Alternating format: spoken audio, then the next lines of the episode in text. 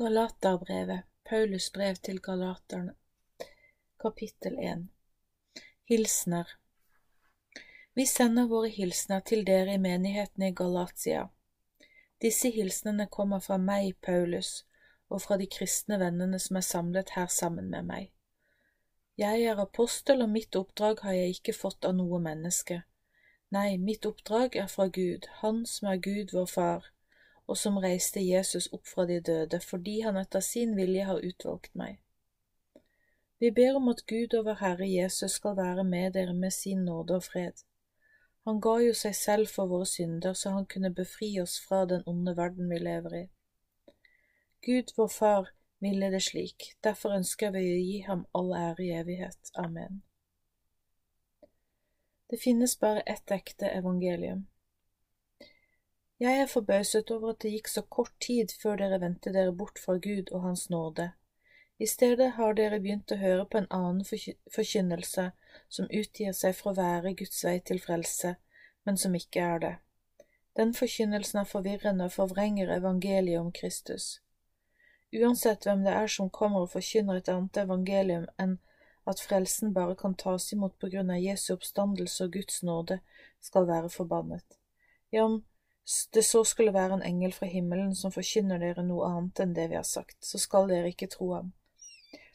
Hvem ønsker jeg å bli akseptert av, mennesker eller Gud?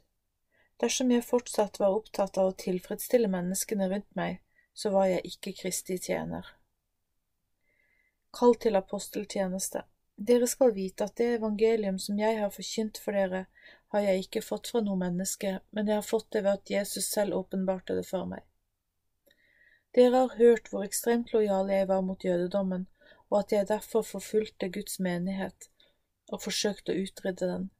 Jeg var så opptatt på å kjempe for å ta vare på jødenes tro at jeg var mer ivrig og gikk lengre for å beskytte denne troen enn mine jødiske brødre gjorde. Men Gud hadde en annen plan for meg, han ønsket at jeg skulle få oppleve Hans nåde, derfor lot han Jesus åpenbare seg for meg da han selv mente at tiden var inne. Allerede fra jeg var i min mors mage, var hans plan for meg at jeg skulle forkynne om Jesus til dem som ikke er jøder. Da Gud åpenbarte dette for meg, drøftet jeg det ikke med noen andre, ikke engang med apostlene i Jerusalem.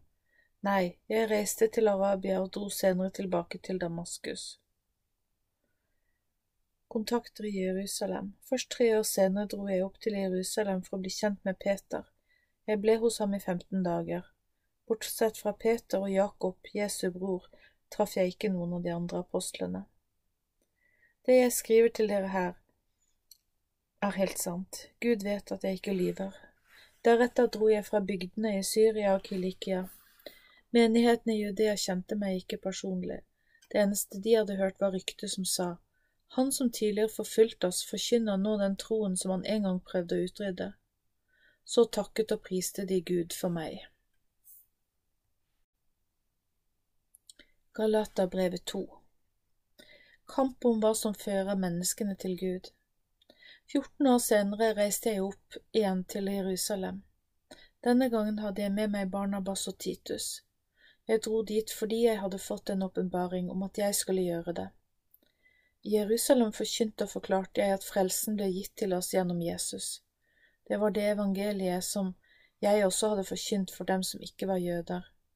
Jeg forkynte først for lederne, slik at de skulle få en rett forståelse av veien til Gud. Hadde jeg ikke gjort det, ville budskapet mitt kunne forårsaket stor uro, og da ville kanskje livet mitt og tjenesten min vært forgjeves. Det var tydelig at de forsto budskapet, de la ikke engang press på grekeren Titus, som var med meg, at han måtte la seg omskjære. Det var noen som prøvde å få innpass i menigheten ved at de lot som om de var kristne, de prøvde å få innflytelse fordi de mente at de kristne hadde for stor frihet, og derfor begynte de å pålegge menigheten religiøse handlinger. Men vi lot ikke disse intrigemakerne få påvirke menigheten. De aksepterer ikke at frelsen ene og alene bygger på Guds nåde, og dermed prøver de å frata oss den frihet som vi har fått på grunn av Jesus. Ikke et øyeblikk ga vi etter for presset deres, derfor vil alle i framtiden også få høre et uforandret budskap om Jesus. Det spiller ingen rolle for meg hva folk skulle mene, uansett hvem det er. Gud gjør ikke forskjell på folk. Selv lederne blant dere forsto budskapet mitt og påla meg ingen religiøse handlinger. Tvert imot forsto de at jeg hadde fått i oppgave å forkynne til dem som ikke var jøder, slik Peter hadde fått i oppgave å forkynne for jødene. Jakob, Kefas og Johannes var viktige og toneangivende personer. Da de fikk vite hva den nådige Gud hadde gjort mot meg, tilbød de meg Barnabas som en medhjelper i arbeidet. Han kunne bli med meg og forkynne til dem som overhodet ikke kjente Gud, og til dem som ikke var jøder. Jakob, Kefas og Johannes la til at de ønsket at vi også måtte huske på å gi noe til de fattige vi møtte på reisene våre. Det var ikke vanskelig eller nytt for meg. Jeg har vært ivrig etter å gi til de fattige. Frelse kommer ved tro, ikke ved å følge bud og regler. Da Peter var kommet til Antiokia, måtte jeg sette ham på plass. Jeg sa det åpent til ham at jeg var uenig i måten han oppførte seg på. Peter hadde nemlig pleid å spise sammen med dem som ikke var jøder. Men da det, da det kom noen venner av Jakob, trakk han seg tilbake og ville ikke lenger spise sammen med dem som ikke var jøder. Han var nemlig redd for å få kritikk av dem som forlangte at alle som ikke, som ikke var jøder, måtte omskjæres for å bli frelst. De andre troende jødene oppførte seg på samme feige måte mot dem. Til og med Barnabas ble dratt inn i dette. Da jeg så dobbeltmoralen deres, eh, tok jeg Peter for meg mens de andre hørte på. Jeg sa til Peter, hvis du som er jøde slipper å leve etter jødiske bud og regler fordi du er blitt en kristen, hvorfor tvinger du da de ikke-jødiske kristne til å leve som jøder? En synder er en synder uansett folkeslag. Vi vet jo at Gud ikke aksepterer oss fordi vi holder, Mose, fordi vi holder Moseloven, men fordi vi tror at Jesus døde i vårt sted. Det er troen på Kristus som frelser oss, for ingen religiøse handlinger kan frelse et menneske. Hvordan tar det, seg, tar det seg ut at vi driver med synd og dobbeltmoral samtidig som vi forkynner at vi vil leve for Kristus? Skal vi la mennesker forbinde Kristus med noe slikt? Naturligvis ikke. Da ville jeg jo rive ned det jeg hadde bygd opp. Nei, det hadde vært en grov synd fra min side. Som kristen lever jeg for Gud, og religiøse bud og regler har mistet sin makt over meg. Det er ingen bud som kan gjøre meg god nok for Gud. Da Kristus ble korsfestet, ble han korsfestet for meg. Jeg ble altså på en måte korsfestet sammen med ham. Derfor lever jeg ikke lenger livet for meg selv, nå er det Kristus som skal få leve sitt liv gjennom meg. Det livet som jeg nå lever her på jorden, skal preges av min tro på Guds sønn. Han som elsket meg og ga seg selv for meg. Budskapet om Guds nåde må tas på alvor, det er helt avgjørende. Hvis noen kunne bli frelst ved å følge religiøse bud og regler, så hadde Kristi død for oss mennesker vært forgjeves. Galaterbrevet 3 Guds kraft i livet Dette er virkelig uklokt av dere galatere. Hvem har forhekset dere slik at dere ikke kan holde fast på sannheten? Dere har jo selv tydelig sett betydningen av at Jesus ble korsfestet. Det er det alt dreier seg om. Hvordan gikk det forresten til at dere fikk oppleve Guds ånd? Fikk dere ånden som et resultat av, at dere hadde lyktes i å holde hele Moseloven og alle de religiøse budene, eller fikk dere ånden som et resultat av forkynnelse og tro? Dere er vel ikke så dumme at dere velger å slite dere gjennom livet ved bruk av deres egne krefter etter at dere har opplevd hvilken enorm hjelp det finnes i Åndens kraft. Har dere erfart så mye forgjeves? Nei, jeg nekter å tro at det har vært forgjeves. Han som ga dere Ånden, er fortsatt hos dere med sin enorme kraft. Er han hos dere fordi dere er så religiøse og lydige, eller fordi dere tror på ham? Dette ble sagt om Abraham. Han trodde på Gud, og derfor ble han regnet som skyldfri innenfor ham. Derfor skal dere vite at det bare er på grunnlag av troen på Gud at dere kan regnes som Abrahams åndelige barn. Gud har hele tiden forutsagt i de hellige skriftene at det bare er troen på ham som kan bringe menneskene inn i en relasjon til ham. Dette fortalte Gud til Abraham på forhånd da han sa, På grunn av deg skal alle folkeslag bli velsignet. De skal se troens betydning. Dermed skal de som velger å stole på Gud og tro på ham, oppleve å bli velsignet på samme måte som den troende Abraham. Fri fra religiøs forbannelse For alle de som tror at de skal nå frem til Gud ved egne anstrengelser eller ved å følge religiøse bud, lever under en forbannelse. For det står skrevet, den som ikke klarer å holde alle budene og reglene er forbannet. Men hvem klarer vel det? Det står jo også at det er troen som fører til et liv sammen med Gud. Dersom budene skulle kunne ha frelst oss, måtte vi ha klart å holde dem alle. Vi måtte ha levd et feilfritt liv. Den som feiler eller synder, er under forbannelse. Dermed gjelder det oss alle. Men Jesus har kjøpt oss fri fra denne forbannelsen, det vil si at han lot forbannelsen ramme seg selv. Han måtte ta forbannelsen på seg for at Abraham og alle de andre som tror, skulle kunne bli velsignet av Gud. På grunn av Jesus kan også alle som ikke er jøder,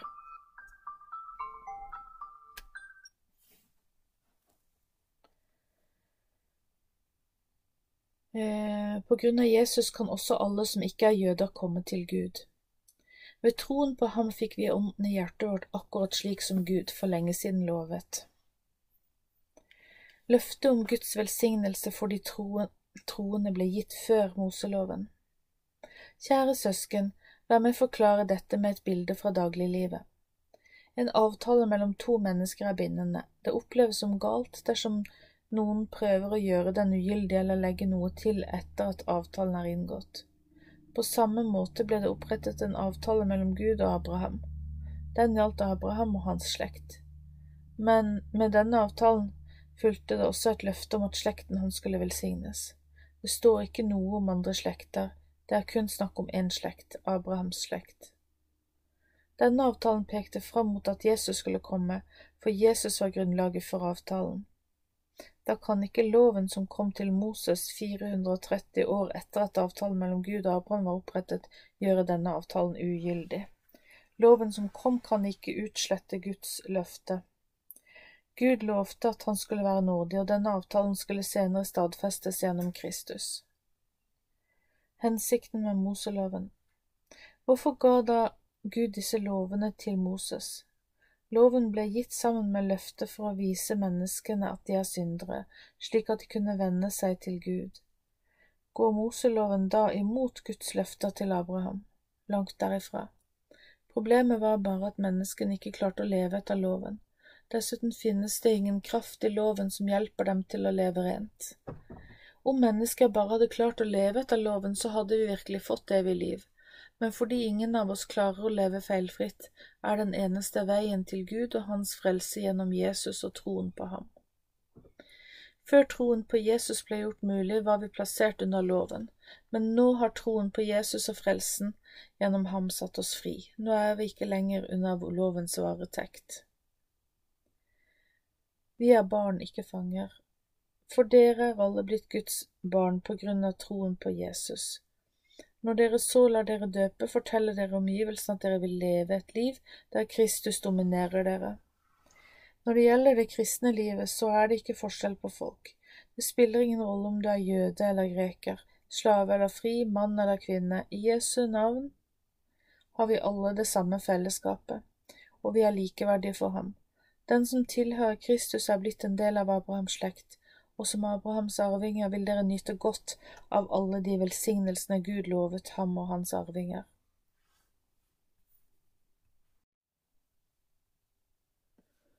Galaterbrevet 4 Så lenge en arving i et hjem er et barn, vil ikke barnets rettigheter skille seg så mye fra en slaves rettigheter. Selv om barnet egentlig er herre over alt i huset, må han finne seg i å bli overstyrt av en myndighetsperson, helt til den dagen han er gammel nok til å forvalte arven selv. Normalt er det faren som har bestemt tidspunktet for når dette skal skje. Slik er det også med oss. Før levde vi hjelpeløse i denne verden og var dominert av kreftene som styrer verden vi lever i. Men så kom tiden som Gud hadde bestemt på forhånd, da sendte han sin sønn til verden, født av en kvinne. Han ble født inn i en tid der det å følge religiøse regler skulle føre menneskene til Gud. Men Jesus ble født for at menneskene skulle bli fri fra slaveriet under Moseloven, slik at vi kunne bli barn av Gud. Fordi vi er blitt Guds barn, har Gud gitt oss sin Sønns ånd i hjertet vårt. Nå kan vi henvende oss til Gud og si, Abba, Far.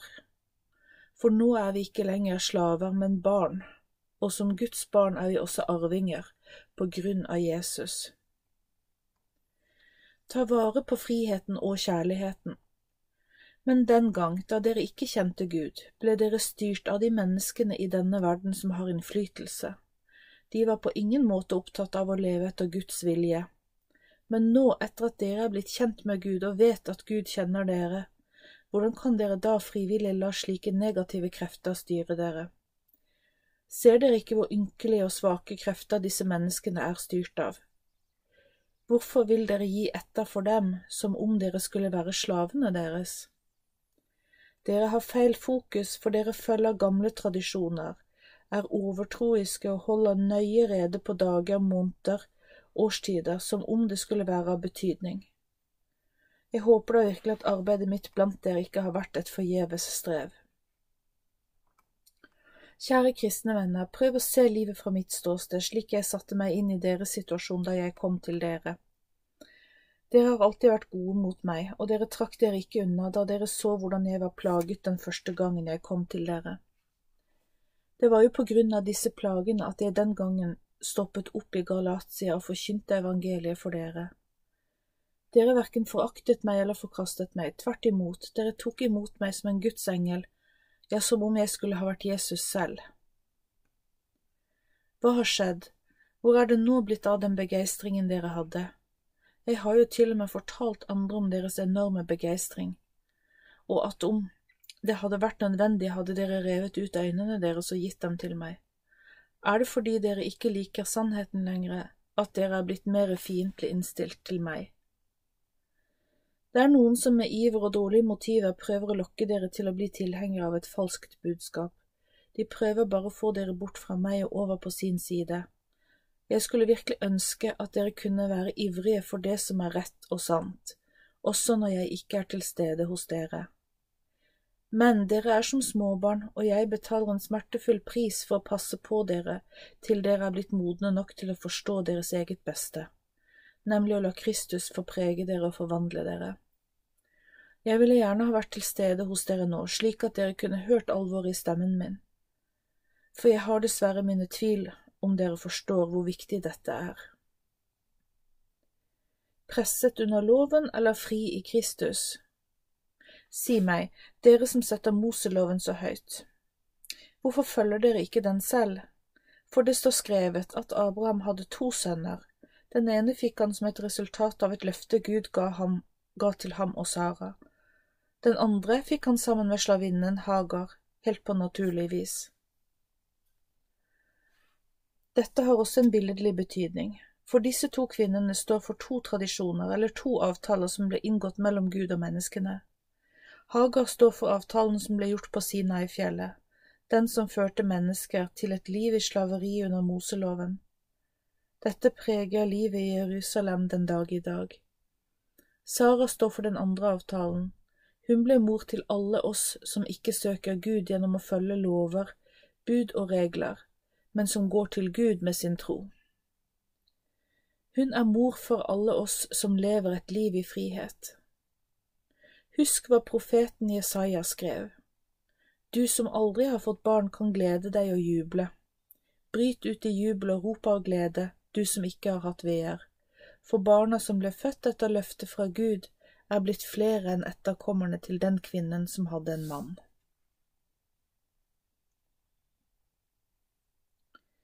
Nå er vi alle mine kristne søsken blitt Guds barn etter løftet fra Gud, slik Isak var. Derfor blir vi forfulgt i dag på samme måte som Isak ble forfulgt av slavekvinnens sønn. Denne uenigheten finnes fortsatt. Men hva sier Skriften at vi skal gjøre med dette? Jo, det står skrevet, Driv bort slavekvinnen og sønnen hennes, for slavekvinnens første sønn skal ikke fordele arven med den frie kvinnens sønn. Altså, kjære søsken, er vi ikke født til å leve i slaveri, men til å leve i frihet. Galaterbrevet 5 Den kristnes frihet Hold derfor fast på den frihet som dere har fått på grunn av Kristus. Ikke la noe menneske tvinge dere tilbake til et regelstyrt og bundet liv, der dere presses og tynges ned. Jeg, Paulus, vil forklare dere dette.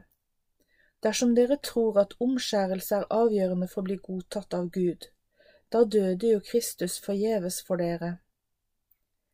Jeg sier det igjen, hvis noen tror at man blir gjort rettferdig for Gud ved å være omskåret, så må man også følge Moseloven til punkt og prikke og leve et feilfritt liv. Dette forklarer jeg overalt hvor jeg reiser. Hvis dere tror at dere ved egne handlinger og anstrengelser kan oppnå kontakt med Gud, da er dere kommet bort fra Kristus. Ja, da har dere mistet poenget med nåden. Guds ånd fyller oss med iver, for vi håper og tror at Gud ser oss som rene på grunn av troen vår på Jesus. Det handler verken om omskjærelse eller mangel på omskjærelse, nå handler det bare om å tro, og en tro som viser seg i kjærlighet. Kjærligheten oppfyller loven. Dere begynte godt, hvem er det som påvirker dere negativt så dere fristes til å gjøre det dere vet ikke er rett? Dere skal vite at de i hvert fall ikke snakker på vegne av Vår Herre, Han som har kalt dere. Det skal ikke mange negative mennesker til før en menighet blir forsuret. Det er som en liten surdeig som virker i en stor deig. Men jeg har faktisk tillit til dere. Jeg tror ikke at dere vil snu ryggen til det dere innerst inne vet er sant, og Herren vil hjelpe dere. De som plager dere med disse feilaktige tankene, skal bli dømt av Gud for det, uansett hvem de er. Dersom jeg, kjære kristne venner, bare hadde forkynt at omskjærelse var viktig for å bli godkjent av Gud, ville det ikke lenger være grunnlag for å forfølge meg. Da ville jeg ikke lenger forkynne om den frelsende kraften som ligger i Jesu kors. For det er jo det som provoserer. Jeg skulle ønske at de som forkynner noe annet for dere, selv kunne bli skadet, slik at de kunne slutte å forkynne denne vranglæren for dere er blitt kalt til frihet. Denne friheten skal selvfølgelig ikke brukes som en unnskyldning for å leve et egoistisk liv. Dere skal leve for hverandre i kjærlighet. Hele Moseloven kan nemlig sammenfattes slik. Du skal elske dine medmennesker slik du elsker deg selv. Dersom dere likevel krangler med hverandre, så pass endelig på at dere ikke skader hverandre. Det ville være ille om noen ikke holdt ut i fellesskapet deres. Lev et liv der ånden kan få dominere. Jeg skal si dere at dersom dere lever et liv der ånden får dominere, da vil dere ikke kjenne fristelsene så godt, og det blir lettere å stå imot. Vi har nemlig en natur som gjerne lar seg friste. For av naturen har vi ikke lyst til å leve etter det som Guds ånd leder oss til. Vår natur og Guds ånd er to motstridende krefter i livet vårt. Men den som legger sin vilje i Guds hender, vil få hjelp av Guds ånd, og livet blir ikke en slitsom kamp mot alt man skal prøve å stå imot. For dersom vår natur får leve ut sine lyster, ville det bare føre til ekteskapsbrudd, sex utenfor ekteskapet, urenhet eller skamløse seksuelle fantasier og handlinger, at Gud blir byttet ut med andre guder, trolldom, hat, stridigheter, sjalusi, raseri, egoisme, splittelser, intriger, misunnelse, drap, fyll, umoralsk festing og alt den som følger med et slikt liv. Nå er dere advart, jeg har sagt det før, og jeg sier det igjen, de som vil leve slik, får ikke være Guds barn og arve Guds rike. Men åndens frykt derimot er kjærlighet, glede, fred, tålmodighet, vennlighet, godhet, trofasthet, ydmykhet og selvbeherskelse. Alt dette er summen av Moseloven. De som har gitt livet sitt til Kristus, har dermed også sagt seg villige til å avvise egne lyster og fristelser. Hvis vi sier at vi vil leve for Gud, så må vi la Guds ånd få prege oss. La oss ikke være ute etter å få tom anerkjennelse fra mennesker. Da vil vi bare sammenligne oss med hverandre, og dermed misunne hverandre. Galaterbrevet 6 Hjelp hverandre Kjære søsken, hvis et menneske blir tatt i å leve feil, skal dere som blir styrt av Guds ånd, irettesette denne personen på en skånsom og forsiktig måte. Pass på dere selv så ikke dere også blir fristet. Hvis dere støtter hverandre på de områdene der de, dere er svake, så oppfyller dere kjærlighetens lov som Kristus ga oss. For hvis noen mener om seg selv at han er noe stort, men ikke er det, da lurer han seg selv. Hver og en er ansvarlig for sitt eget liv og må ikke sammenligne seg med andre. For til sist skal vi alle stå ansvarlige for Gud for hva vi selv har gjort, og ikke for hva andre har gjort. De kristne skal være gode mennesker. Den som får undervisning om Guds budskap, skal dele med den som underviser. Del godene med hverandre. Pass på at dere ikke blir lurt og ført på avveie. Gud vil ikke at hans navn skal bli skitnet til. Det et menneske sår, det skal han også få høste. Dersom mennesker fokuserer på negative ting, vil de høste det som er negativt i livet men den som fokuserer på Guds plan og vilje og vil leve med Ånden som hjelp, skal høste det gode og få evig liv. La oss derfor ikke bli trette av å gjøre det som er godt, for når tiden er inne, vil vi se resultatene av våre positive valg, hvis vi bare ikke mister motet. Derfor må vi benytte de anledningene vi får til å gjøre godt mot alle, særlig mot våre kristne søsken. Vær stolt av korset. For å understreke dette skriver jeg med egne hender og med store bokstaver. Det er de samme menneskene som fokuserer på å bli likt av andre, som også er opptatt av at dere bør bli omskåret for å kunne kalle dere kristne. De er bare redde for at de skal bli utsatt for forfølgelse på grunn av forkynnelsen om frelse gjennom Kristi korsfestelse og oppstandelse. Ikke engang de som er omskåret, lever prikkfritt, prikkfritt etter Moseloven. De vil bare at dere skal gjøre som dem og bli omskåret for at de skal få en ros fra andre mennesker for å ha gjort dere til jøder. Det blir helt feil, vi skal ikke være opptatt av å få ros på grunn av hva vi kan få andre til å gjøre. Det eneste vi skal skryte av, er hva vår Herre Jesus har gjort for oss da han døde på et kors for vår og verdens synd. Jeg er stolt av korset, Derfor har denne verden ingen innflytelse over meg, og jeg selv bryr meg ikke om hva mennesker ønsker at jeg skal gjøre. Alt handler om Guds vilje, og derfor har Han forvandlet oss til nye skapninger. Det er uvesentlig om man er omskåret eller ikke, for det er likevel ikke religiøse bud som frelser oss. Velsignelse og bønn alle som går med på å leve etter Guds prinsipper, skal oppleve Guds fred og nåde. Måtte Gud også velsigne sitt folk, Israel.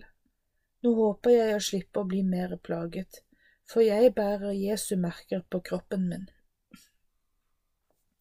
Kjære kristne søsken, jeg ber om at Herren Jesus i sin godhet og kjærlighet skal være med dere. Amen.